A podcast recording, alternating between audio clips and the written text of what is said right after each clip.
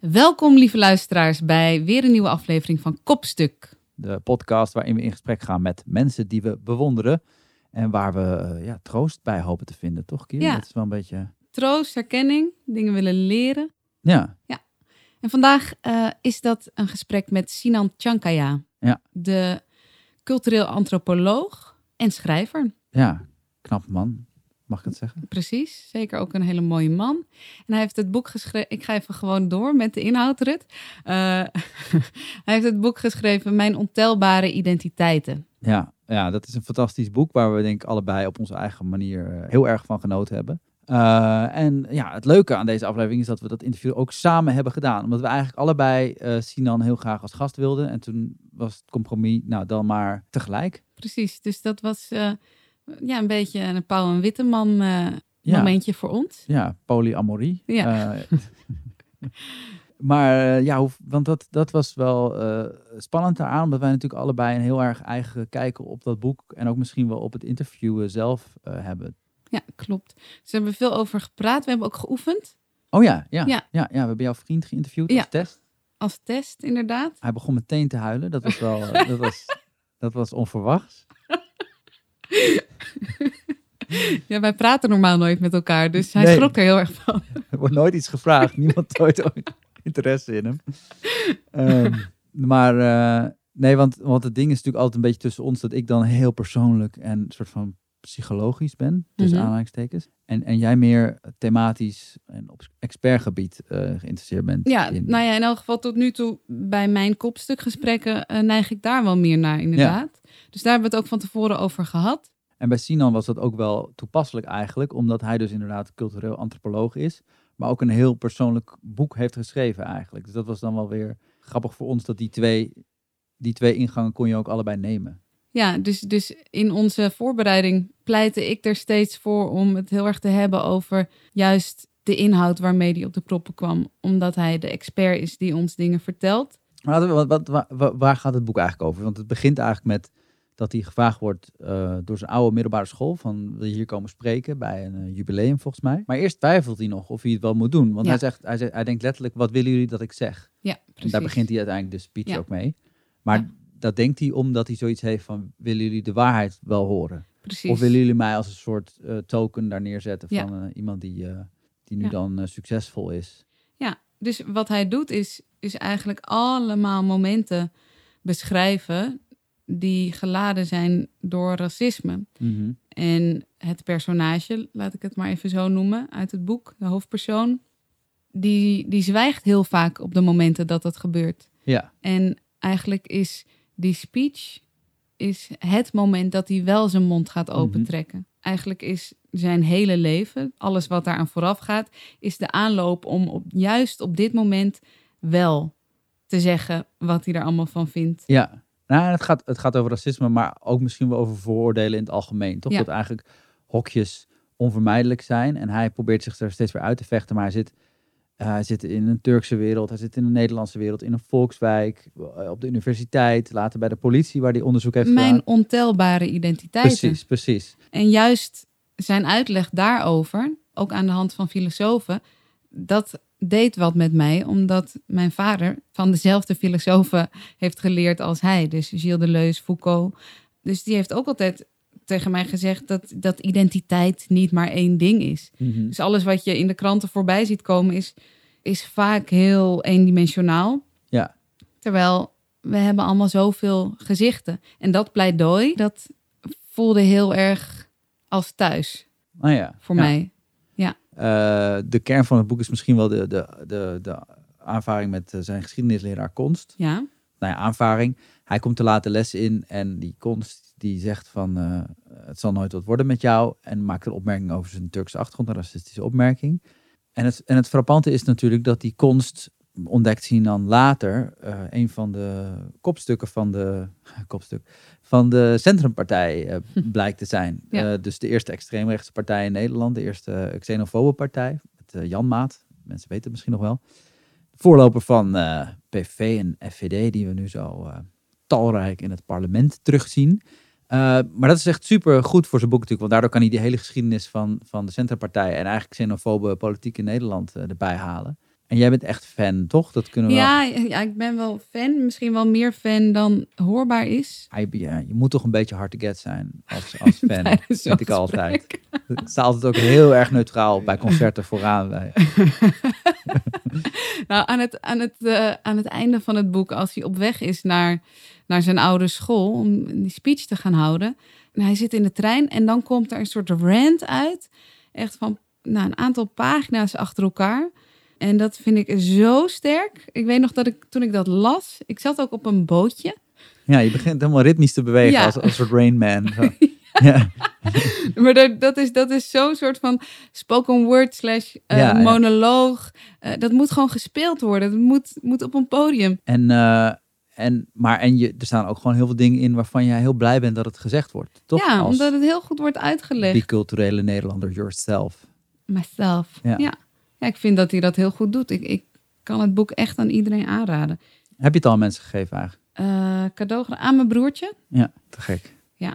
Nu ga ik wel echt afronden, want het is eh, tijd voor dit gesprek Mhm. eh, wat we met hem hebben gehad. Dit Zeker weten. Dun, dun, dun. driekoppige gesprek. Kijk, kijk, kijk, kijk. dat we hadden met Simon. Racisme. Ma, ma, ma, ma. Etnisch profileren. Ehm, nee, ik, dus, ik denk voor ons allebei een heel, eh, heel belangrijk en tof eh, Rut, gesprek. wil je nog een keertje eh, een gezamenlijk gesprek voeren? Maar en nog een keer samen iemand interviewen? Zeker weten, maar dan moet diegene wel een boek hebben geschreven wat zowel eh, inhoudelijk is als persoonlijk. Nee, dat zijn, dat zijn natuurlijk heel veel boeken. Ik, ik vond het superleuk om het een keer samen te doen. Ja. En de mensen moeten er zelf maar over oordelen. Oordelen? Nou ja, Ja, dat is waar. Het, het ervaren. Het ervaren. Ervaar dit gesprek tussen Kira Boergen, Rutger Lem en Sinan Shankaya.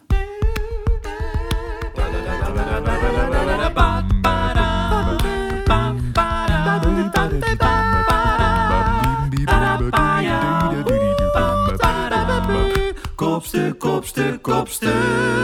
Ja, ik kom er- bij, bij dit boek kom ik er inderdaad niet helemaal mee weg om te zeggen van ja, maar ik ben een antropoloog. Want ja, ik, ik heb ook gekozen voor het format van een persoonlijk verhaal. Mhm. Dus ik begrijp ook wel dat dat dan dat, dan dat gesprek eh, uitlokt. Ja. Dus I'm, I'm fine with it, Ja. wil ik maar zeggen. En, eh, en waarom heb je dat dan nu gedaan? Om, denk je dat het effectiever is? Nou ja, ik, ik was dus echt begonnen met eigenlijk het schrijven van een eh, populair wetenschappelijk boek. En, en ik had al heel veel. Mhm. Maar ja, in het kort, dat sloeg gewoon nergens op. Ehm, want ik vond dat het te veel ook in lijn was met wat ik al aan het doen was. Namelijk gewoon hoofdzakelijk wetenschappelijk werk. Het, het werkte gewoon niet. En dat vond mijn redacteur ook, Katrijn. Dus toen ben ik eigenlijk opnieuw begonnen. En ik wilde ook wel iets schrijven waar de lezer dan niet aan ontkomt. Ik heb vaker eh, ook meegeschreven aan beleidsrapporten. Of vaker lezingen gegeven, ook aan ambtenaren, nou, wetenschappelijke congressen. En dan zijn mensen eh, hevig aan het knikken. en dan gaan we weer over tot de orde van de dag. En met dit boek wilde ik dus ook ja, mensen niet alleen eh, aanzetten tot nadenken, maar ook gewoon echt raken. Zodat ze er op een bepaalde manier niet aan konden ontkomen. En, en ook door ja, identificatie dwingen tot nadenken. eh, maar hoe sta ik hierin? Ja. En hoe had ik in dit soort situaties gehandeld? Ja. En wat heeft dit dan niet opgeleverd? Nou ja, ehm, toch misschien wel de, de, de precisie. Eh, de, de, de, eh, de auteurs, de stromingen waarbinnen je aan het nadenken bent en praten bent. Ik heb de, de theorie licht proberen te houden. En sommige auteurs, ja, die noem ik ook gewoon niet. Levinas, op een gegeven moment heb ik het over het gelaat. En ik, maar ik noem Levinas niet. En Foucault eh, is- speelde een hele belangrijke rol. De ja. Leuze. En ga zo maar door. Maar dat, eh, op een gegeven moment moet je ook selectief zijn in van ja, wie ga ik nu wel en niet noemen. Maar dat geldt eigenlijk ook wel een beetje voor de Nederlandse sociologen. Ja. Door wiens werk ik heel erg ben beïnvloed. Jan-Willem Duivendak, Willem Schinkel, Marijn Oudenamse, Paul Mepse, eh, Ja. Gloria Wekker, Filomena Asset. Ga zo maar door. Maar dat, maar dat Je moest qua, qua eh, voetnoten moest je een beetje inhouden. Dat is, dat is Ja. ja. Ja. Ja. Ja, dat is grappig. Ik, ben juist, ik heb geschiedenis gestudeerd en ik vond wetenschappelijk schrijven echt het meest vreselijke vak ooit. Omdat dan je zo'n docent krijgt die dan echt je persoonlijke stijl eruit gaat rammen. Juist, Mm. een beetje tegenovergestelde. Mhm. Dat vond ik zo vreselijk. Maar het is denk ik, als je andersom gaat, dan ben je wel zo goed onderbouwd dat je ook heel goed weet waar het persoonlijke vandaan komt. Ja, dat klopt. Ja, dat, dat is ook zo. Ja, ik heb op een bepaalde manier... De, maar de ideeën die in het boek staan... is ook wel echt iets van de laatste tien jaar voor mij. Oh ja. Het, het is gewoon het denkwerk van, van de laatste tien jaar. Onderzoek, eigen onderzoek, andere teksten lezen. En het is nu voor mij in een andere vorm gegoten. En dat is het vernieuwende eraan. Maar, en ik herken helemaal wat je zegt. Ik bedoel, ja. wetenschappelijk schrijven. Dat ik nu ook echt wel de vraag stel aan mezelf van... Ja, waar wil ik vanaf nu eigenlijk in gaan in- investeren? En welk soort schrijven wil ik vanaf nu gaan ontwikkelen? Ja, dat is wel interessant. Dat is een prominente vraag wat nu eh, heel erg speelt bij mij. Ja. Ja, anekdotes hebben ook een best wel een lage waarde binnen het schrijven bijna. Zo van, Mhm. oh, anekdote, en ook zeker binnen bewijsvoering al helemaal. Anekdotisch bewijs is natuurlijk gewoon, is gewoon Mhm. niks. Mhm. Maar tegelijkertijd kunnen we niet zonder om, om dus die ingang in dat verhaal te vinden. Zijn er anekdotes die, niet, die niet in het boek staan? Eh, die, of was dit gewoon een heel duidelijke selectie voor je? Ja, tuurlijk. Eh, op een gegeven moment... Heel veel anekdotes staan er niet in. Dat, ik dacht, als ik dit nu opschrijf, dan gaan mensen echt afhaken. Denken ze, nee, dit kan niet. Ik bedoel, er staan al een paar hele ongeloofwaardige verhalen in voor mensen. Die dan denken van, is het echt gebeurd? Ja. Maar ook heel veel variaties op vergelijkbare situaties. Waarvan op, een- op een gegeven moment, ja, dan kan je wel weer een zoveelste anekdote toevoegen wat over hetzelfde principe gaat. Ja. Maar ben je dan ook bezig om eh, mensen te sparen? Om ze niet alles te geven omdat ze anders afhaken? Met, want als je het echt hebt over ongeloofwaardig, dan heb je het over, hoe, over racistische bejegeningen of... Ja, ik bedoel, mensen zeggen, of mensen vragen wel eens van, eh, maar ben jij dan nog wel eens verbaasd? En dan denk ik, ja. En elke keer als zoiets gebeurt, dan ben ik zo van mijn apropos, dat ik denk, wat? Nog een keer? Of gebeurt dit weer? Je, je bent aan het knikken. ja, herkenbaar. Ja, heel herkenbaar. Ja, ik heb dus helemaal niet, want dat hoor ik mensen wel zeggen, eh, een soort eh, voorbereid zijn of, of eh, preventief klaarstaan voor de aanval. Ik vind dat allemaal bullshit. Zo sta ik niet in het leven. En dat maakt nu juist dat wanneer het je overkomt, dat je echt denkt, "Nou, wat gebeurt hier nu? Ja, Ehm, en dat, dat, dat, ik bedoel, als ik die ervaring al heb, en dit is geen hypothese, want dat hoor ik gewoon heel erg vaak. Witte lezers die niet in aanmerking komen met racisme, die denken al bij het kleinste voorbeeld van, nee toch, dit gebeurt Ja. toch niet in Nederland? Maar waarom, ja. Waarom, zou dat, waarom zou racisme voor omstanders die daar niet mee hoeven te dealen of niet zo vaak mee hoeven te dealen, ehm, zo moeilijk te herkennen zijn? Ja, ik, denk dat het antwoord eigenlijk eh, deceptively eh, eenvoudig is, omdat ze het niet meemaken. En omdat, omdat dan toch de ervaring een hele belangrijke rol speelt. Omdat mensen die verhalen onvoldoende tot zich nemen of, of anders kunnen reduceren tot een anekdote. En op een gegeven moment, ja, ik, dan hoor je dan eh, na, na afgelopen zomer de Black Lives Matter protesten dat dan kennelijk voor een heleboel mensen de doorslag geeft. Van oké, maar volgens mij komt racisme voor en ook wel in Nederland toch wel een beetje. Ik, ik denk gewoon echt dat het daarmee te maken heeft. Ik bedoel, als ik, als ik dan zelf nadenk over wat mijn sociale locatie is, ja, dan geldt hetzelfde ook. Ik, nou, ik ben man. En als ik dan verhalen hoor van vriendinnen of dingen lees, dan denk ik ook van, oh ja, maar dat, dat maak ik gewoon helemaal niet mee. Ja. Wat me nu te binnen schiet is als ik s'avonds eh over straat loop of zo. Ik, heb, ik, ik voel me zelden onveilig. Tenzij het in, in, in een stad is die ik niet goed ken. Maar daarbuiten ken ik dat gevoel niet. En dus ja, ik denk dat het ook echt wel te maken heeft gewoon met ervaring. Maar ook wel met, met een soort van beschermen van het zelfbeeld, toch? Dat mensen gewoon zo defensief reageren. Zo van, dat kan niet, want dat betekent dat ik er onderdeel van ben. Betekent dat ik in een land woon waar dingen mis mee zijn. Al die, maar dat, het is ook dat er Oh, nee, nee, absoluut. Ik bedoel, eh, onmiskenbaar. Ik bedoel, uiteindelijk gaat het, eh, gaat het natuurlijk terug aan een soort van verhalen eh, die we al langer met ons meeslepen. En, en, en, en, en waar we nog onvoldoende ook aandacht aan schenken. Maar dat hangt inderdaad samen met een soort zelfbeeld hebben van verlicht, modern, af tussen aanhalingstekens. En als, als dan die kritiek komt of het verwijt over die gebeurtenissen in Nederland, dat wel meevalt met hoe modern, verlicht en af we zijn, van een groep die kennelijk zijn plek niet weet, want dat is ook wel heel erg belangrijk. Hoe bedoel je? het wordt natuurlijk pas interessant als iemand aan de bestaande orde gaat morrelen. En ik denk dat we dat heel erg goed, goed zien bij eh, Zwarte Piet.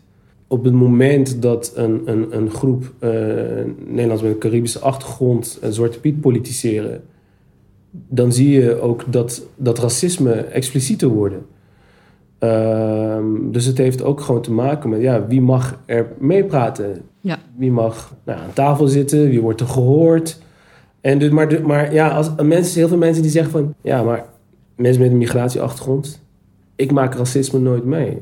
Ja, dat kan. Dat kan verschillende redenen hebben. Maar ik denk ook echt wel dat het pas interessant en spannend wordt als je terugspreekt. En als je je mening wil uiten over iets, over een bepaalde gang van zaken. En dan zie je pas dat die impliciete pikorde heel erg expliciet wordt. En dat je je plaats dan niet kent. En eh, ik vraag me af, Kier, of jij dat... Want je zat inderdaad heel erg mee te knippen. Ja. Visualiseren hè, in een podcast altijd. Want eh, heb heb jij ook dat je een soort van... Als je dus ervaringen deelt, dat je dan dus kiest voor de geloofwaardige ervaring? Ja. Als je het met wi- wi- witte mensen Absoluut. over hebt. Ja. Ik ging helemaal stotteren bij witte mensen. Eh, Goed gedaan. ja. Ja? Ja, oké. Ja, want ik, ik heb geen zin in de reactie. Ja, maar dat valt toch wel mee? Ja. Of nou, denk je dat ze dat echt zo bedoelden? Ah ja. Hmm. Daar heb ik geen zin in. Ik heb al geen zin om die dingen uit te spreken, wat jij zegt. Van, dat zouden we moeten doen. Nou, ik heb echt mijn staart eh, ingetrokken. Ik, ik wil het eigenlijk niet. Maar ik moet wel, heb ik het gevoel. Dus ik, ik ben dat aan het doen. Mhm. Met het schaamrood op mijn kaken. En om dan ook nog, als je al iets, zoiets op tafel hebt gelegd, te horen... Nou, denk je nou echt? Dus ik filter wel van tevoren. Denk je nu ook aan iets heel erg concreets? Ja. Oké, even visualiseren. Ze is aan het glimlachen. Hele grote glimlach. Ze gooit haar hoofd naar achteren. En, maar een van de centrale dingen, anekdotes van het boek is natuurlijk eh, die, die, die aanvaring met konst. Ja. Eh, en die, die vond, daar ben je best wel, hou je ook een beetje wel op de vlakte of zo. Je zegt niet helemaal wat hij, voor mij zegt ook iets over je, over je Turkse achtergrond. Ja, maar dan. dat weet ik dus niet meer. Ik weet, ik weet echt niet meer wat hij zei. Dus, ik, dus dat is ook heel gek. Ik bedoel, Ja. En op een bepaalde manier zeg ik ook wel iets over de herinnering. En dus dat, dat ja, de herinneringen zijn feilbaar, eh, enzovoorts, enzovoorts. Dus hij, hij zei iets over mijn Turkse achtergrond, maar ik weet gewoon niet meer precies wat. Ik heb ook eh, mails gestuurd naar oud-klasgenoten om mij te helpen die, eh, die ervaring te reconstrueren. Maar heel veel konden het zich ook niet herinneren. Maar die vertelde dan bijvoorbeeld wel dat, dat, eh, dat, dat Konst ook seksistische opmerkingen maakte. En dat herinnerde ik mij bijvoorbeeld niet. Ah ja. Dus dat, is, dat bedoel ik net met dat dat weer... Ja, de, hoe, hoe specifiek die sociale locatie kan zijn. Ja. Dat als, men, ja, dat als mensen in de buurt zijn van onrecht, dat ze dan gewoon achteraf gewoon zo helemaal niet gezien hebben. Nou ja, dat zie je dus collectief met iets als Zwarte Piet. Dat je gewoon zo zit van, hè? Hoe kunnen we dat nou niet? Hoe kun je dat nou gemist hebben al die jaren? Dat is ik raar. bedoel, we hadden we hadden het net over... Gênant van, is het ook gewoon. Hoe ja. kan het dan in godsnaam dat we... Ik, ik was volgens mij ook 22, 23... toen een Somalische jongen vertelde dat hij rond december de straat niet opging... omdat hij was opgegroeid in het oosten van het land... en dat er dan mensen Zwarte Piet naar hem riepen.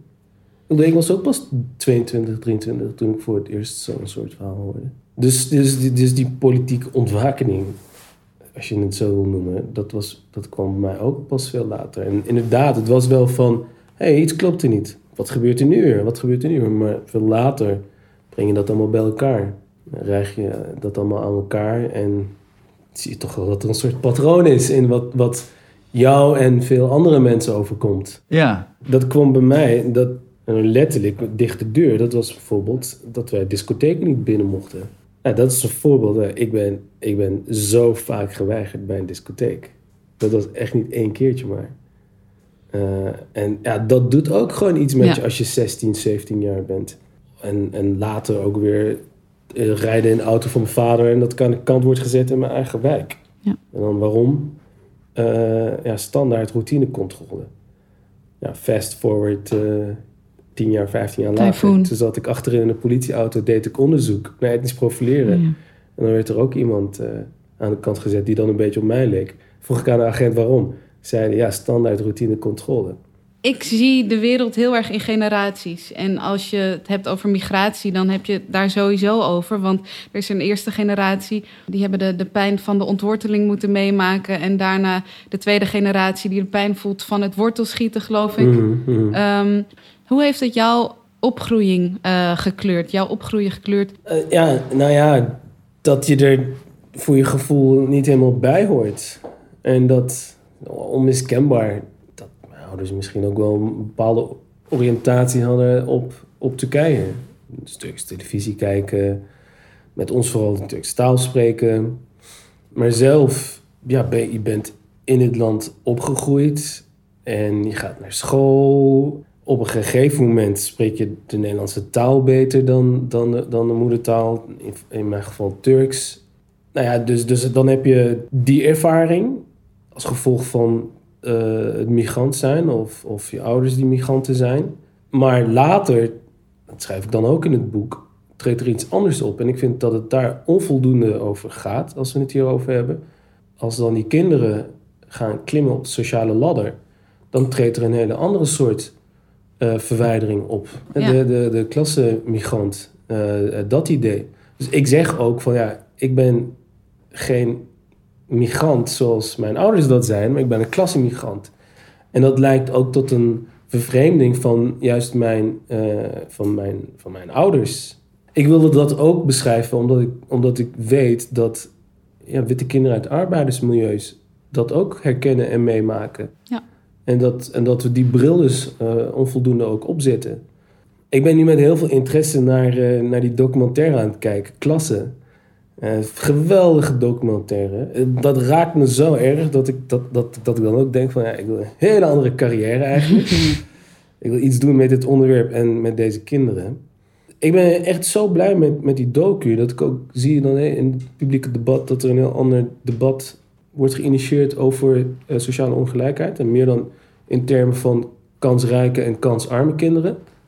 I like that. En dan toch een heel klein puntje van kritiek op die docu. Is denk ik dat ze dan weer iets te ver zijn opgeschoven naar dat klasverhaal. Hm. Omdat het dus wel altijd dat NN is. Omdat die klassenpositie ook natuurlijk geracialiseerd is en gegenderd is. Ja. ja. Enzovoorts, enzovoorts. En, ze, en, en, ze- ze zeggen letterlijk dat het niet over kleur gaat, toch? In de documentaire. Precies. Ja. Eh, vond ik jammer. Ja. Ja, vond ik jammer. ja. Eh, dus, dus, dus dat is eigenlijk ook het verhaal wat ik in het boek wilde opschrijven. Ja. Dat het het NN-verhaal is.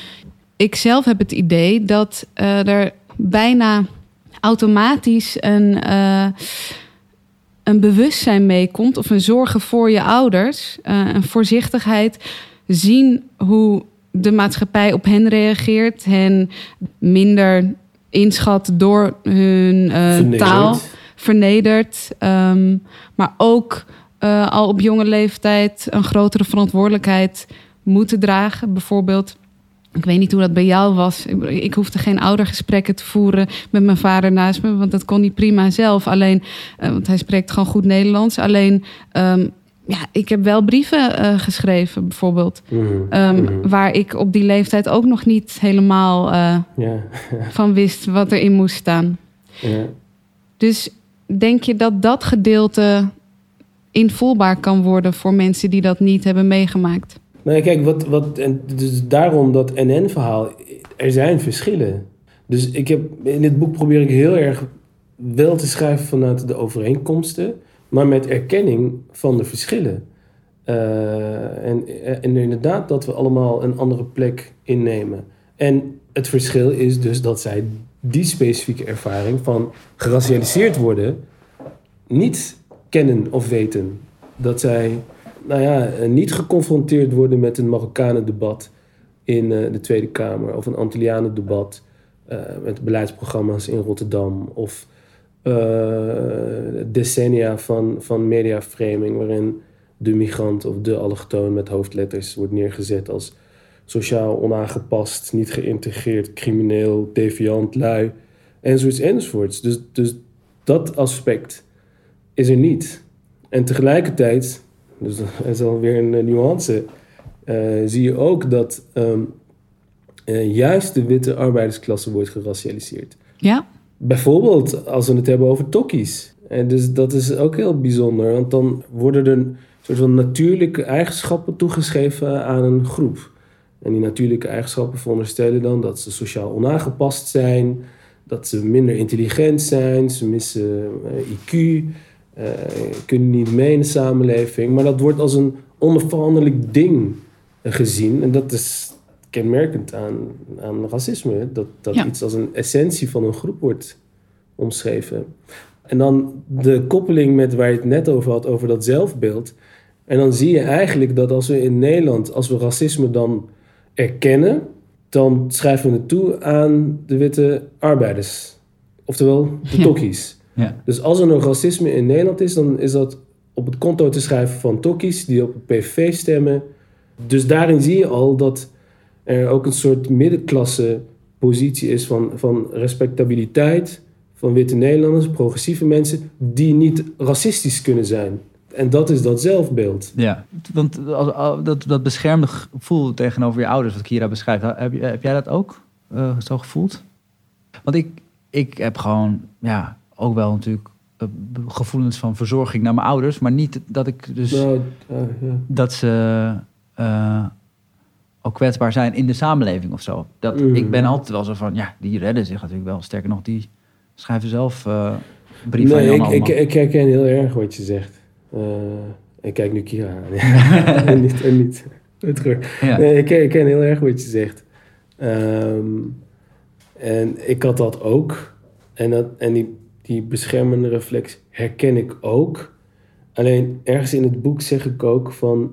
Ja, we moeten misschien ook wel een beetje oppassen met het romantiseren van die generatie. Dus ik heb het nou niet, zeg maar, niet alleen over mijn ouders, want dan wordt het persoonlijk, maar ook gewoon als er wordt gesproken over Ja. die eerste generatie dat, dat, we, dat we op een bepaalde manier, we, en fictief we, eh, de eerste generatie ook proberen te ontzien. Omdat het ook gewoon politiek nu heel ingewikkeld ligt om het, om het dan daarover te hebben. Of überhaupt over misstanden in gemeenschappen. eh, Omdat politiek daarmee aan de haal kan gaan. En ik denk ook dat, dat, dat het ervoor zorgt dat mensen bepaalde dingen niet gaan delen met hun ouders. Waardoor er een soort gespleten eh, persoonlijkheid ontstaat. Eentje die je thuis bent bij je familie en eentje die je echt bent. Of waar je, dat je vrij bent. Mhm, mhm. Eh, ja, heel herkenbaar. Eh, waar ik zelf nu aan zit te denken, en wat voor mij een heel erg moeilijk stukje was in het boek, is, is over religie. Ehm, en ja, dat, dat mijn moeder best wel druk op mij heeft uitgeoefend. Religie op de achtergrond. Ja, niet helemaal de religie die ik bedoelde, maar... ja. En dat, eh, ja, dat, dat was wel dat was heel moeilijk voor mij. Eh, en dat was gewoon echt niet leuk op momenten. En ik heb heel lang getwijfeld over hoe ik dat moest, of ik het moest opschrijven en volgens hoe ik dat moest opschrijven. Dus ik heb geprobeerd om het op een liefdevolle manier te doen. Maar wel steeds met dat idee van, oh nee, weet je als mensen dit lezen, dan ik reproduceer weer dat beeld van migranten, ouders die hun, hun kind iets opleggen, enzovoort, enzovoort. Dus dat Dus je was voortdurend eigenlijk bezig met ja, wie het allemaal konden lezen. Permanent. Ja, Ja, steeds. ja. Dus dat, was dat dan de grootste worsteling? Ja. En ook nog eens diverse publieken in mijn hoofd. Niet alleen witte Nederlanders, maar ook Turkse nationalisten. Maar ook gewoon ja, eh, mensen uit sociale bewegingen, eh, uit antiracismehoek. Eh er zit ook een kritiek op, eh, op, op racialiserende categorieën in antiracisme. Ja, Dus ja, ik was voortdurend met ook allemaal publieken in mijn hoofd bezig. en hoe heb je dat dan opgelost uiteindelijk? Uiteindelijk is dit wat ik vind. En dat, dat, was, dat was de worsteling. En dat, dat, dit boek is mijn antwoord. Dit vind ik. Ja, En eh, we kunnen daarover met elkaar in gesprek gaan. En laten we dat doen. Maar hoe voelde je dan toen je boek uitkwam? Want dit klinkt alsof er ook een heleboel enge, enge stappen zijn geweest. Of je, je bent gewoon uit de kast gekomen van dit is mijn mening. Dit is niet de academische mij. Dit is Ja, alles van mij. Of althans, een, een deel, een selectie. een nieuw deel. Ja, ja. Hoe voelde het uitkomen van je boek dan, wat dat betreft? Ja, heel kwetsbaar. Eh, heel eng. Ehm, eh, ja, nou, ik, op een gegeven moment... Ik ben dus zelf door zo'n fase van censuur gegaan. Of laten we het wikken, wegen, wankelen noemen. Dat alles wat ik nu heb opgeschreven... Ja, daar sta ik gewoon echt wel 100% achter. En dat was, dat was heel moeilijk. Ja. Dus de stukjes over familie, kleine scènes, gesprekken met mijn vader en mijn moeder. Moet ik dit opschrijven? Uiteindelijk, ja, oké, deze vader wel, maar een heleboel andere vader niet. Dus Ja, dat is ja, ook een voorbeeld van, schrijf je alles op? Nee, nee, ik heb niet alles opgeschreven. en hebben ze het gelezen? Mijn ouders, die eh, lezen geen Nederlands. Chill. ja, komt dan, dan nu wel goed uit. In Of dit niet? geval wel, ja. Iemand zei laatst, ja, maar het boek zou eigenlijk in het Turks vertaald moeten worden. Ik zei, nee, nee, helemaal niet. helemaal niet. Ja, oké. Ja, maar heb je broers of zussen? Ja, ja, ik heb twee zussen en een, en een broer. Eh, ja. Die hebben het wel gelezen, ja. Ja. En? ja. Die vonden het ook spannend. Ja. Ja. Maar wanneer ontdekte je dan dat je dat schrijven en nou ja, dat, dat wetenschappelijk analytische, dat je daar talent voor had en dat leuk vond? Was het als kind, van kinds af aan al zo? Of? Nou, ik... ehm, en dat heb ik... en Dat, die herinnering kwam echt terug als gevolg van een interview. Toen ik iets van tien jaar oud was, toen nam ik eh, de, de schrijfmachine van, van mijn vader. Die nam ik mee naar, naar oever van, de, van het kanaal. En met twee eh, vrienden. En dan gingen we een, eh, een bulletin maken. Ah, En dat woord kende ik van, van de basisschool. Dan was er een wekelijks bulletin. Het was gewoon één A4'tje. En daar hadden we verschillende rubrieken. En één rubriek was eh, de mop van de dag. En dan gingen, ging ik dat soort dingen maken. ja. Dus, en ik wilde eigenlijk naar de filmacademie. Durfde ik niet aan. Maar ik was wel ook al op mijn zestiende... heb ik een verhaal geschreven en heb ik meegedaan aan een verhalenwedstrijd. Daarna heel lang soort braakliggend, niks mee gedaan. Ja, analytisch, eh, ik weet het niet. Ik denk dat de antropologie, dat past me ook wel heel erg vanwege... Ik denk toch de neiging van mij om in een observerende rol te schieten. En soms niet zozeer een actieve deelnemer te zijn, maar meer aan de rand staan van groepen. En dat sluit wel goed aan bij wat een antropoloog ook behoort te doen. Ja. Eh, Observeren. ja, je zit het liefst een stapje terug uit de situatie. Ja, ik heb een neiging om in een helikoptermodus te schieten. Ah ja. Staat hij nu ook aan? Eh, soms. Ja. soms. Soms ga ik zo naar voren en dan weer terug en dan Ja, ja, ja, eh, precies. af- afwisselen. Ja. En is dat iets wat sociaal is ontstaan of is, iets, is dat iets hoe je gewoon bent? Nee, ik denk dat het toch wel iets, iets te maken heeft met de buitenstaanderspositie. Ja. En Daar heb je gewoon is- je beroep van gemaakt eigenlijk. Ja, ik heb het maar omarmd. Ja. Een soort van eh, leven op de rand. Eh, en eh, net niet helemaal onderdeel zijn van groepen, maar ook niet echt buiten vallen. Dat, dat is denk ik wel heel erg kenmerkend en typerend. Ja, dat je gewoon niet van clubjes houdt eigenlijk, van groepen ook. Ja, maar het grappige is, als je dat dan weer zegt, dat ik gelijk de neiging heb om het individualisme gelijk te gaan corrigeren. Ja, precies. Want dat, dat, dat is ook niet mijn project. Nee. Dus je voelt je ook weer niet thuis bij deze definitie die ik net van je maak. Nee, nee, het is wel, het is wel steeds eh, het, eh, de, eh, de dualiteit daarvan, of de middenpositie. Dus ook wel ja, tot een groep willen behoren en, en, en niet soort vervallen in een ongebreideld individualisme of zo. Dat, dat is wel een magere, Ja. is een mager leven. Ook op persoonlijk niveau, denk ik. Maar, nee, maar en hoe is het ontstaan dan? Want in je boek is natuurlijk de, het zwaartepunt eigenlijk dat wat er met konst gebeurde. En nou ja, hoe je dat dan terugbeleeft, omdat je die toespraak moet gaan houden. Maar hij zei, het, het zal nooit wat met je worden. Hmm. Heb je er mensen gehad die wel dat talent dan zagen en zeiden, het gaat wel wat met jou worden? Ja. Heb je mentors gehad die in je geloofden? Ja, I like this question. Kijk, dit zijn nou bijvoorbeeld verhalen die ik niet heb opgenomen in het boek, omdat je dan toch een bepaald narratief opschrijft. Maar er zijn enorm belangrijke mensen geweest. Mijn lerares Frans bijvoorbeeld. Ja, het begint gewoon met dat zij je aandacht geeft. En dat ze je het gevoel geeft dat ze interesse in je heeft. In wie je bent. En daardoor heeft zij een soort liefde voor de Franse taal in mij aangewakkerd. Dat ik gewoon op mijn zestiende naar TV5 ging kijken. Wat gewoon bizar is. En dat ik op een gegeven moment... Ja, dat slaat dan door. Dan moest ik de beste worden in Frans. Dus ik haalde een 8 voor mijn eind- eindexamen. Kreeg ik een prijs daarvoor. Maar later eh, op de universiteit, antropologie... een werkgroep docent Fabiola Gara Gomez... En ik herinner me dat ze op een gegeven moment zei van... eh, ten overstaan van de, de klas... Ja, Sinan, wil je, wil je na de les nablijven? Ja, hè? Dat is een soort middelbare schoolopmerking ook van... Dit is toch de universiteit? Dus iedereen vertrok en ik zat daar met haar. En toen wilden ze weten hoe ik eh, schreef. Hoe ik mijn essay schreef. Dus ik vertelde, ja, in alle eerlijkheid... Ik begin pas de dag eh, van tevoren. Zij zei, ja, dat lees ik eraan af. Maar ik zie ook wel dat je heel veel potentie hebt.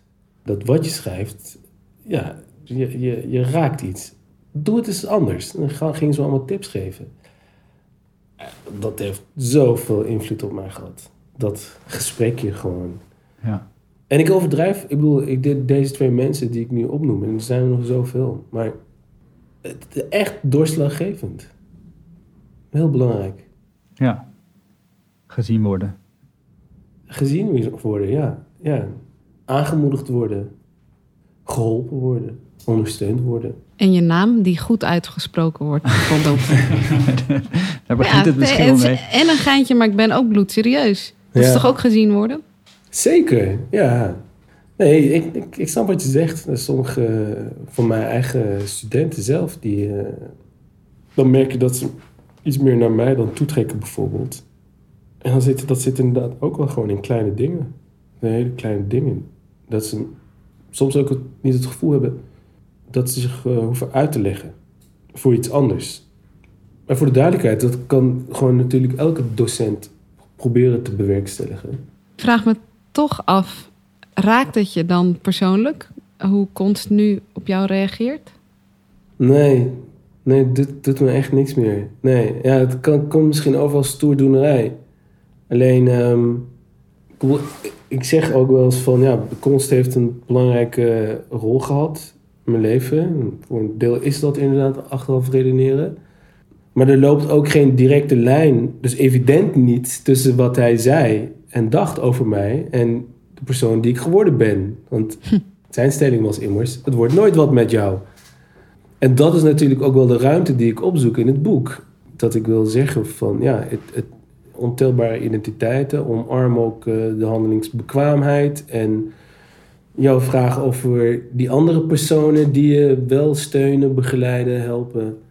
Nee, ik denk dan aan hele andere mensen, zeg maar, dan, dan aan kunst. Die jou nog wel persoonlijk raken? Ja, ja. Want bijvoorbeeld bij de politie, waar je jarenlang onderzoek hebt gedaan, Kijk, uiteindelijk heb je een formele erkenning gekregen toen, toen je dat moment met dat rapport had. En, Mhm. Maar ik ben wel benieuwd of je die eh, informele erkenning van je collega's toen der tijd, die jou misschien aanzagen voor eh, de frisdrankleverancier, was het geloof ik. Ja, ja. Of je van hen ook erkenning hebt gekregen inmiddels. Nee. Nee. Nee. Wat is belangrijker? Informele of formele erkenning? Wat een moeilijke vraag. Ik, ik merk ook wel dat de vraag wel iets met me doet. Ehm, ja, ik denk, ik denk ook gewoon dat er wel iets in me zit die dan denkt van ja, maar... En voor een deel van de mensen, daar ga je die erkenning niet van krijgen. Dus dat je je ook wel leert om dat los te laten. En dat ik nu vooral gewoon terugblik op waar dat onderwerp stond en waar het nu staat. En dat is voor mij gewoon de winst. En, en de inzet van een heleboel andere mensen. Amnesty International, Control Alt Delete. Wat er met Typhoon gebeurde. Maar ook gewoon progressieve stromen binnen de politieorganisatie die dit onderwerp op de agenda hebben gezet. Dus ja, er is niet genoeg gebeurd, maar er is in tien jaar ook wel weer heel veel gebeurd op dat dossier Ja. etnisch profileren. En dat is voor mij erkenning. Heel, ik wil eigenlijk natuurlijk schreeuwen... I told you, motherfuckers. ja, dat doe ik niet. Maar ja, dat, die, die kant probeer ik heel erg in check te houden. Maar, sowieso, wat, als je het hebt over, nou ja, dus, dus dat de voorspelling van Kons niet is uitgekomen, nou ja, dat is natuurlijk duidelijk. Maar in die documentaire waar we het net over hadden, klasse, wat mij het meest raakte was dat meisje die dus onder eh, geadviseerd was. Dat was zo'n Mhm. groepje meisjes bij die wethouder. Mhm. En een van hen vertelde daar gewoon over dat ze zich had opgewerkt van, geloof, VMBO-advies tot VWO. Mhm. En, en die begon, ze begon gewoon te huilen terwijl ze erover praten. Eigenlijk bijna een soort... ik weet welk, ik weet, ja. Omdat ze dus nog de hele tijd eigenlijk bang was of ze het wel verdiende. ja.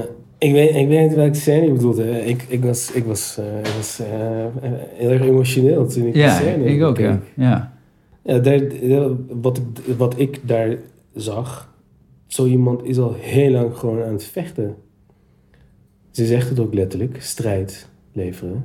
En dan is er ineens iemand die dat benoemt.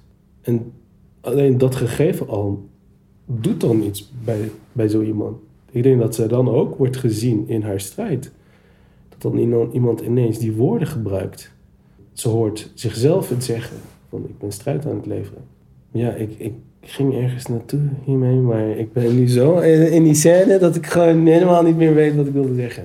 Maar is het iets wat jij ook herkent? Heb je ook het gevoel dat je tegen de stroming in hebt moeten zwemmen? Ja, natuurlijk. Ja. Dus wat ik daar, ah ja, dus de bewijsdrang, dat zat heel erg in. In die zin heeft konst, volgens mij heb ik dat ook in die speech gezegd. Iets van, je hebt op een onverwachte manier bijgedragen aan mijn succes. Door een soort bewijsdrang in mij eh, aan te wakkeren. En dat is, ja, dat, dat zit er nog steeds wel. En inderdaad ook, wat dat meisje dan zegt, het idee van dat je het niet verdient. En ook dat herken ik heel erg. Ehm, en maar ook, in literatuur heet dat dan de stereotype threat. Dat je dan eigenlijk het stereotype zo hebt geïnternaliseerd dat je er eh, mee identificeert. En daardoor ook dat als, als je succesvol bent, dat je dan leidt aan een soort imposter syndroom. Dit Ja, ja, ja. hoort niet, ik verdien dit niet, dit past niet. Ja. En dat je daardoor jezelf heel erg gaat ondermijnen. En daarom is taal ook zo belangrijk. Want hoe vaker we de hele tijd in taal blijven aanduiden dat bepaalde mensen de ander blijven, die hier in, in dit eh, fictieve we zei je, geloof ik, Mm. ehm, eh, hoe meer mensen gaan internaliseren dat ze de ander zijn. Ja, ja en, en als je dat dan inderdaad ook gewoon te horen krijgt van docenten, Ja. eh, die dan lagere verwachtingen van je hebben. Ja. Dus dat, dat, daar begon jij ook mee. En, en daar ga je dan tegen vechten. Je gaat Ja. dan tegen dat beeld vechten steeds. Maar dat beeld is er. En daarom is er een zin in het boek, wat voor mij echt heel belangrijk is. is we, we ontkomen er niet aan. We ontkomen er niet aan, omdat die beelden, ja, die hangen zo boven onze hoofden. Ja. Want op een gegeven moment vertel je ook over dat je eh, je kwaad maakt in een, in een panel, geloof ik. Of je, je bent bij een debat en Ja. dan eh, noem je jezelf een, een kritische clown die, Ja. zich, die boos wordt voor de bühne. Ja. Dat, dat raakte mij dan omdat ik het idee heb dat een heleboel mensen die als slechterik de hele tijd worden weggezet om allerlei redenen, dat die zichzelf eh, tot clowntje moeten maken om überhaupt te kunnen spreken. Dus zichzelf eerst onschadelijk maken om gehoord te worden. Nou, dit is dan weer, dit is dan net iets anders, want dit is een kritische clown die boos wordt. En daarom dacht ik van, kun je activistisch zijn? Kun je zo kwaad maken en kwetsbaar opstellen tegenover een publiek terwijl je jezelf behoudt? Of betekent activisme sowieso zelfopoffering? Nou ja, ik denk wel dat er steeds iets op het. eh, dat, dat, er allemaal risico's zijn, dat er iets te verliezen is. Ik bedoel, als je het alleen moet doen, ja, dan kan je het sowieso gaan shaken. Eh, dus als ik bij mij op de afdeling op de universiteit bepaalde onderwerpen aanhangig probeer te maken in mijn eentje, ja, dat, dat is de, de kritische clown waar ik het over heb. Eh, dus, en, en dat is ook gewoon dat uiteindelijk ja, is, is, ik heb het dan over microrevoluties, een soort van individueel verzet. Maar dat is voor mij altijd verbonden aan collectieve actie ook. En aan dus, solidariteit en aan gezamenlijk iets proberen van de grond te krijgen. dus clown komt voort uit in je eentje staan tegenover de groep. Ja, maar het is grappig wat je net zei. Want ik herken wat je zegt. Dat, dan ga je inderdaad je taal aanpassen aan, aan het publiek. Dat doe ik ook heel vaak. Maar soms, en dat is misschien nog wel fnuikender... en dat is wat ik eigenlijk bedoelde daar... is dan word je uitgenodigd... omdat je dan inderdaad een soort randje hebt... en dan zeggen ze... ja, kom jij maar... en dan mag je je show, tussen Ja. aanhalingstekens... gaan, gaan, eh, gaan uitvoeren... En dan zijn mensen geïnspireerd en geprikkeld. Ja. Ja, en dan kan je weer naar huis. Ja, ze weten dat, dat, dat jij even boos kan gaan doen, want dat vindt hij niet leuk. Ze nodigen hem daarvoor uit. Het is inderdaad een soort geanceneerd ritueel. Ja. Een heel performatief. En het is op een bepaalde manier ook veilig daardoor. Want, zij hoeven het niet mensen te doen. kunnen mij daarna dat, dat hebben gedaan. En oké, we gaan weer over tot de orde van de dag. Ja. En daarom heb ik steeds meer moeite om dat soort dingen te doen. Ik, af en toe krijg ik een verzoek of ik zitting wil nemen in een of andere commissie. Ja, ik ga dan, ben dan steeds aan het nadenken van, ja, kan ik hier impact maken? Maar kun je dan die, die geëngageerde wetenschapper zijn zonder jezelf op te offeren? Eh, ja, je- jawel. Ik bedoel, eh, op een bepaalde manier moet je ook wel pragmatisch zijn. Je gotta pick your battles. Anders word je helemaal gek. Mhm. Je moet gewoon gericht van, oké, dit is wel iets waar ik mijn tanden in ga bijten. En dat andere, fuck it. Maar Ja. nu even hier op de aandacht op eh, richten. En, en eh, zelfopoffering. Ja, er zit altijd een soort schaduwzijde aan of iets wat, je, wat er te verliezen is. Eh, namelijk collega's die je niet chill vinden of ja, waar je het zelf over had. gezien worden als de ongezellige persoon. Als de, wat Sarah Ahmed zegt, de killjoy. Eh, Vertel eens. Ja, dus, dus dat je steeds degene bent die het vanzelfsprekende eh, probeert eh, minder vanzelfsprekend te Ja. maken. Hè, en daardoor moeilijk doet. Ja, en ook de, de, de grapjes dan niet leuk vindt. En eh, Precies. zoals bij konst. Het is toch gezellig? Ja. Ja. ja, ik had dat wel eens met, zeg maar, eh, met de waar kom je vandaan vraag. En een collega die zei een keer, een collega bij de politie, die zei... Ja, waarom geef je niet gewoon een antwoord? Je kan toch gewoon zeggen, ja, eh, ik ben Turks. En toen dacht ik, ja, nee, het is dus voor mij niet zo eenvoudig om maar gewoon normaal antwoord da- daarop te geven. Dus mijn keuze is om inderdaad een soort van die luis in de pels te zijn. Niet altijd, maar het is wel een soort iets waar ik mezelf aan probeer te herinneren om dat zoveel mogelijk te zijn. En wat doe je met je, bo met je boosheid? Want ik vind, dat vond ik eigenlijk het grappigste zelf aan het boek. Is dat je, hoe je begint al met dat je gewoon zo zagrijnig de dag begint. Zo'n gesprekje bij iemand met de metro hebt die wat je tegelijkertijd wel verterend vindt, maar ook irritant en zo. Dat je gewoon Ja, je, komt, je bent gewoon, omdat het boek ook zo'n mooie open worsteling is, zit er ook gewoon best wel veel wat frustratie in en zo. Ja. Maar wat, vind je, dat is eh, gewoon een vraag hè, vind je de boosheid in het boek, eh, vond je die heel duidelijk? Ehm, misschien- la- laat ik gelijk eh, aan toevoegen. Iemand zei van... ik begrijp niet waarom je in zoveel situaties zo rustig blijft. Terwijl, dat zijn nou momenten juist waarbij je boos moet worden.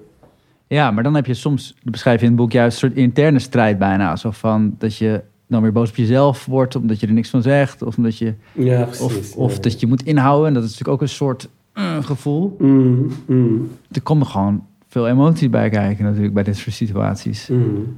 Er zit wel heel veel ingehouden woede in het boek, ja. Woede is ook gewoon wel legitiem natuurlijk bij dit onderwerp. Ik wil heel vaak, om weer hè, dat zelfbeeld van beschaafd en... Maar zo bedoelen we het toch niet. Is dat als je er dan boos over wordt, dan word jij ineens het probleem. Want het was toch vanuit goede bedoelingen. En ja, dat zie je dan ook gewoon, ja, dat zie je ook in, met vrienden en met gewoon familie ook. Als je dan die rol vervult. Als je dan, vind ik, legitiem boos over iets wordt.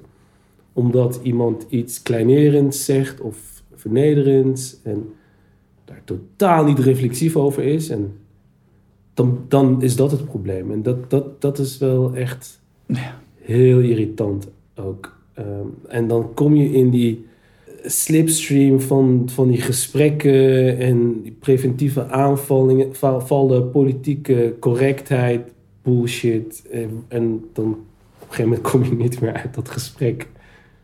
In het activisme-debat gaat het ook veel over self-care. Denk je dan dat in bad gaan en iets le- leuks voor jezelf kopen, dat dat een soort... nee, maar ik, ik fuck het nu een beetje, maar ik, ik geloof daar op een bepaalde manier wel in. Als, als, als iedereen je eigen waarde omlaag probeert te halen, dan is, dan is zeg maar zeggen, nee, nu is, het, nu is het tijd voor mij. Dan is dat eigenlijk een daad van politiek verzet. In mijn woning tien, tien jaar in bad. Ik ben denk ik vijf keer in bad geweest. ik heb die link met het politieke en in bad gaan nog niet echt gemaakt. ja. ja, nee, ik, sorry, ik weet niet hoe ik hierop moet antwoorden. Ik vind het een beetje onzin, eerlijk gezegd. Maar ben je, jij bent wel bezig met zelfbescherming, toch? En die strijd met, Zelfbescherming wel. en tevreden proberen te zijn en jezelf op die manier een beetje zo... Ben je bezig om, om jezelf te zeggen van, hé, hey, ik ben oké. Ik bedoel, dus voor iedereen is dat een uitdaging, maar ik vraag me af hoe dat dan voor jou zit. Met zo'n soort opmerking als leidraad bijvoorbeeld. Ehm, jawel. De stem in je hoofd, zou ik maar zeggen. Ja, nee, nee, dat, dat, dat, is, dat, dat is wel iets waar ik mee bezig ben, ja. ja. Hoe, hoe bestrijd je die dan? Ehm, oh mijn god. Ja, hoe, hoe, hoe persoonlijk word ik? Ja, Dat is een beetje de vraag nu. Ehm, nee, maar misschien om het iets meer te verduidelijken. Kijk, met schrijven, ja, ik ben daar nog steeds heel erg onzeker over. Ook. En ik kan mij niet voorstellen dat dat ooit eh, minder zal worden. En die worsteling en gewoon paniek en kan ik dit wel? Is het überhaupt, eh, gaan mensen me uitlachen? Dat. ja. En, en ik probeer wel steeds meer terug te gaan naar een soort basisvertrouwen. Van, eh, het is oké. Het is misschien niet supergoed, maar het is oké. Ja. En Dat je net zei van, dit vind ik. Dat weet ik in ieder geval zeker. precies dat, ja. Ja, Precies dat. ja. Ja, dat is, dat is wel iets wat ik mezelf probeer eh, aan te leren. Dat zijn bijna een soort trucs inderdaad. Zo van, nou, ik geloof hier gewoon in. Fuck it. Ja, en dat, dit is wel heel persoonlijk. En dat is ook wat ik net zei. Hè? Van, eh, ja, maar, maar ook eh, konst, geen directe invloed. Toen begon jij over dat meisje uit de docu. En uiteindelijk is dat toch ook wel een beetje mijn boodschap aan, aan zeg maar, jonge mensen. Van, eh, in die identiteitsontwikkeling, maar natuurlijk, dat, dat heeft ook een psychologische dimensie. Maar ik ben een antropoloog. Maar Ja. dat gaat ook over zelfvertrouwen natuurlijk. Ondanks de buitenwereld die van alles van je vindt en denkt, durf te experimenteren en durf gewoon een bepaalde positie te omarmen. Ontelbare identiteiten. Maar gewoon ook, ja, grote middenvinger naar die buitenwereld die van alles van je vindt. En dit van, dit ben ik. Dus dat is ook wel gewoon heel erg, dat is een hele persoonlijke boodschap natuurlijk ook uiteindelijk. Niet alleen een politieke, maar een hele persoonlijke. Ja. Er lijkt me ook wel heel veel verlichting in zitten. Ehm, dat, wa- dat was het voor mij wel op, op een gegeven moment in ieder geval. Ook dat idee van ehm, in die identiteitsontwikkeling van het niet hoeven kiezen. Ja, precies. En steeds die ogenschijnlijke tegenstellingen eh, tussen Turks en Nederlands en allemaal verbeelde loyaliteitsconflicten. Maar dat ik in het boek ook gewoon zeg van, je hoeft, je hoeft niet te kiezen. Heel vaak is er geen conflict en heel vaak is het gewoon onderdeel van hetzelfde. Brokstukken van wie je bent. Ja. Eh, En that's okay. Dus dat is denk ik wel een soort persoonlijke grondtoonboodschap. Maar het is ook wel lastig hoor. Want kijk, wat ik heel erg bewonder aan jou en ook aan je boek is dat je gewoon alles is ondraaglijk gelaagd. Alles heeft nuances en je krijgt overal labels opgeplakt. Je hebt verschillende publieken tegen wie je spreekt. Mhm. Eh, het is gewoon echt om gek van te worden op een bepaalde manier, de moderne identiteit. En jij wil eigenlijk soort van ja, je daar tegen verzetten. Op, steeds maar weer op allerlei manieren toch weer uit dat hokje kruipen en zo. En dat is Mhm. echt nou, bijna bovenmenselijk zou ik zeggen. Heb je ook nog een hele mooie baard. Dus ik, ik, ik wilde eigenlijk vragen of je een superheld bent. Maar eh, nee, maar is dat, is, dat, is dat wel te doen? Ja, dat, dat is natuurlijk ook wel de vraag die je in het boek stelt. Ja, je ontkomt er nooit aan. Dat is natuurlijk ook het probleem. Ja. Het gaat mij om de invulling die we geven aan die verhalen. Waar ik gewoon evident niks mee heb. Dat zijn dogma's. Ja. Dat is een soort fundamentalisme. Van, van alle soorten. Ja, niet, niet willen twijfelen. Ehm, of gewoon heel duidelijk gewoon de uitsluiting.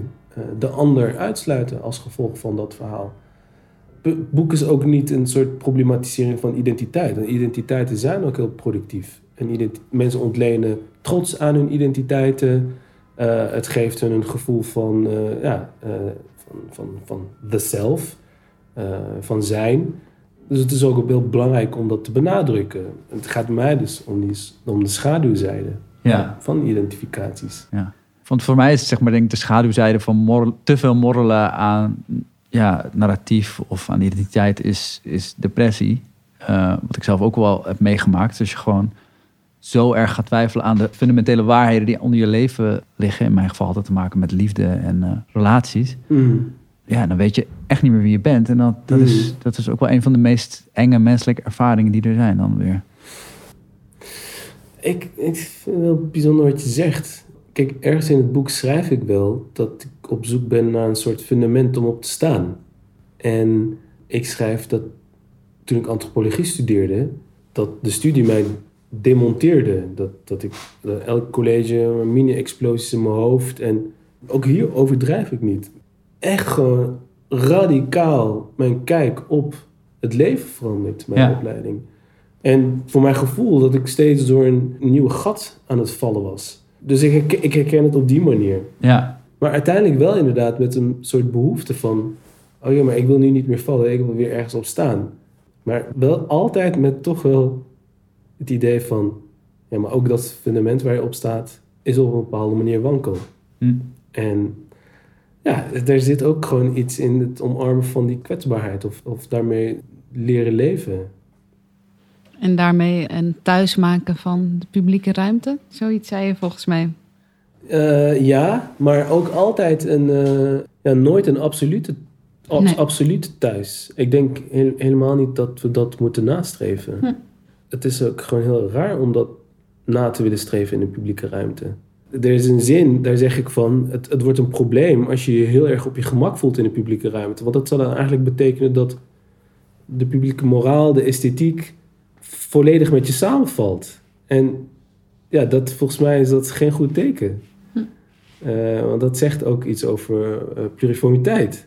Ja, je, je moet ook gewoon, denk ik, gebouwen lelijk vinden als je door de publieke ruimte loopt. Eh, hoe, hoe gek zou het zijn als dat helemaal met jouw smaak samenvalt? en daarom vind ik ook wel die obsessie met, met vorm en met, eh, met de esthetiek ook zo bijzonder. ja. Ja? Ja, dat, dat, dat speelt toch een heel belangrijke rol in hun, in hun discours. eh, in dat conservatieve denken. En, en, en hun, in hun ficties over thuis, over vroeger. Terwijl mijn standpunt is, nee, het schuurt, het wringt. Je voelt je op je gemak in de publieke ruimte en dan weer niet. Je voelt je één met iemand, met een vreemdeling en dan weer niet. Ja. Cool. Nou, dankjewel. Dankjewel. Ja, dank Ja, jullie. Leuke vragen, boeiende vragen. Fijn gesprek. ja vond ik ook. Deze aflevering van Kopstuk werd opgenomen en geëdit door Rutger Lem en mijzelf, Kira Boergen. De mix was weer van Nick van Noord. Dankjewel Nick. De openingstune is nog altijd van Herman in een bakje geitenkwark. En ons logo is gemaakt door Esther Walter. Rutger en mij kun je vinden op social media, Rutgerlem en Kira Boergen. Bij Rutger met dubbel M en bij mij met dubbel OU. En mijn ontelbare identiteiten van Sinan Chankaya ligt nog altijd in de winkels. Die gesloten zijn, maar inmiddels wel een afhaalloket hebben. Dus steun je lokale boekhandel en koop het boek van Sinan Chankaya. Mocht je ons willen steunen, dan kan dat via vriendvandeshow.nl slash kopstuk. Dan kan je doneren, eenmalig of meermalig, en ons volgen. Volgen kan ook via het op verschillende social media. En vergeet niet om ons een rating te geven in iTunes of waar dat tegenwoordig ook kan. En tot de volgende Kopstuk. Dank jullie wel. Kopstuk, kopstuk, kopstuk. Hoe vonden jullie het om het samen te doen? Leuk? Ja. Ja? Ja? Oké, eerlijk. Ik ben, ik ben heel benieuwd. Rut. Ja, nee, ja, nee. nee, het is gewoon lastig, want je zit toch een beetje op je eigen spoor allebei. Maar ik vond het het best verrassend goed op elkaar aansloot soms. Dus, eh Nou ja, kan ik, bedoel, ik ben in elk geval blij met, met eh, hoe, hoe het gegaan is. En om jou gewoon weer allemaal nieuwe dingen te horen vertellen. Ja. En, eh, en wij, misschien dat we het nog eens gaan doen. En dan, dan gaat dat ook weer beter. Maar wat vond jij nou? Wat vond Ja. Rutger heeft het wel gezegd. Ja, ik, eh, ik was heel erg bezig met me afvragen wat Rutger ervan vond. Oh shit, ja. Maar dat, daar heb ik Daar is sowieso het last gesprek van. al. Ja, ja, ja. Ik ben ook een helikopter, joh. Dat is echt... eh, nee, ik vond, het, ik vond het wel lekker. Ik had het idee dat we niet het gras voor elkaars voeten wegmaaiden. Maar in het vervolg zouden we misschien nog wel wat, nog wat meer samen kunnen zijn. Dus we bleven ook wel opereren vanuit onze eigen interesses. Ja. Nee, maar het werkt ook gewoon goed, hè? Want op mij werkt het wel oké. Dat is dan weer... Oké, heel andere vraag. Ander mens, Ja. ander, andere ja, ja, oké, we moeten een heel ander register eh Ja, ja, openen. precies. Dus dat, eh, dat heeft ook wel weer iets.